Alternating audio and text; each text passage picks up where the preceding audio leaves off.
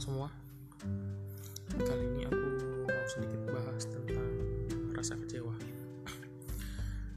saat kecewa mungkin kamu akan merasa gagal atau menjadi marah karena hal-hal berjalan tidak sesuai dengan ekspektasimu pada saat kecewa, seseorang cenderung akan merubah sikapnya serta kebiasaannya.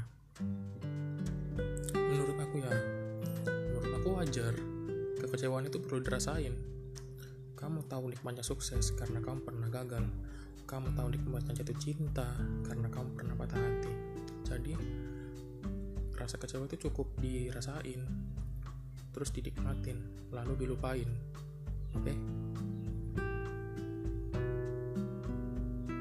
jangan lupa bahagia hari ini see you